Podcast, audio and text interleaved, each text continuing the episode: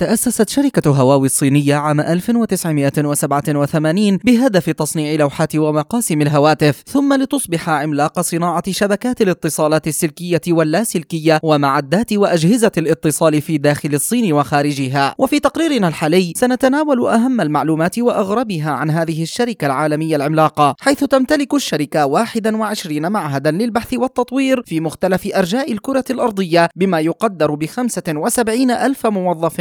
وذلك قبل عام 2020 بل إن الشركة تقوم بالإنفاق على البحث والتطوير بشكل يوازي إنفاق دول متقدمة مثل السويد أو سويسرا وهو ما مكنها من الحصول على أكبر عدد من براءات الاختراع على صعيد شبكة الجيل الخامس. أما مؤسس الشركة رين تشينغ في والذي أسسها وهو في الثانية والأربعين من عمره فقد كان يعمل كتقني عسكري في جيش التحرير الشعبي الصيني. والغريب في الأمر أن هذا الرجل ورغم هيمنة شركته إلا أنه يحتل يحتل مركزا متأخرا جدا بين أثرياء الصين حيث جاء في المركز الخامس والستين بعد الخمسمائة عام 2020 أما اسم الشركة والذي ينطق خطأ باللغة العربية على أنه هواوي حيث إن النطق السليم للشركة هو واوي فيعني باللغة الصينية القديمة الإنجاز الصيني. وتمتلك هواوي حصة 80% كشراكة مع أفضل شركات الاتصالات في العالم مثل فودافون وموتورولا. أما عن استثماراتها العلمية فقد قامت باستثمار أكثر من مليون دولار أمريكي في جامعة كارلتون في كندا وذلك لإنشاء مختبر أبحاث خدمات حوسبة سحابية. أما الغريب في أمر ملكية هذه الشركة فإن 64% من أسهم هذه الشركة مملوكة من قبل موظفيها بأسهم مقيدة وغير قابلة للتداول تمنح للموظف بناء على الأداء. وعندما يتقاعد أو يغادر يقوم بتسليم هذه الأسهم للشركة ليستلم قيمتها نقدا. وإن عجبت من أمر هذه الملكية فإن الشركة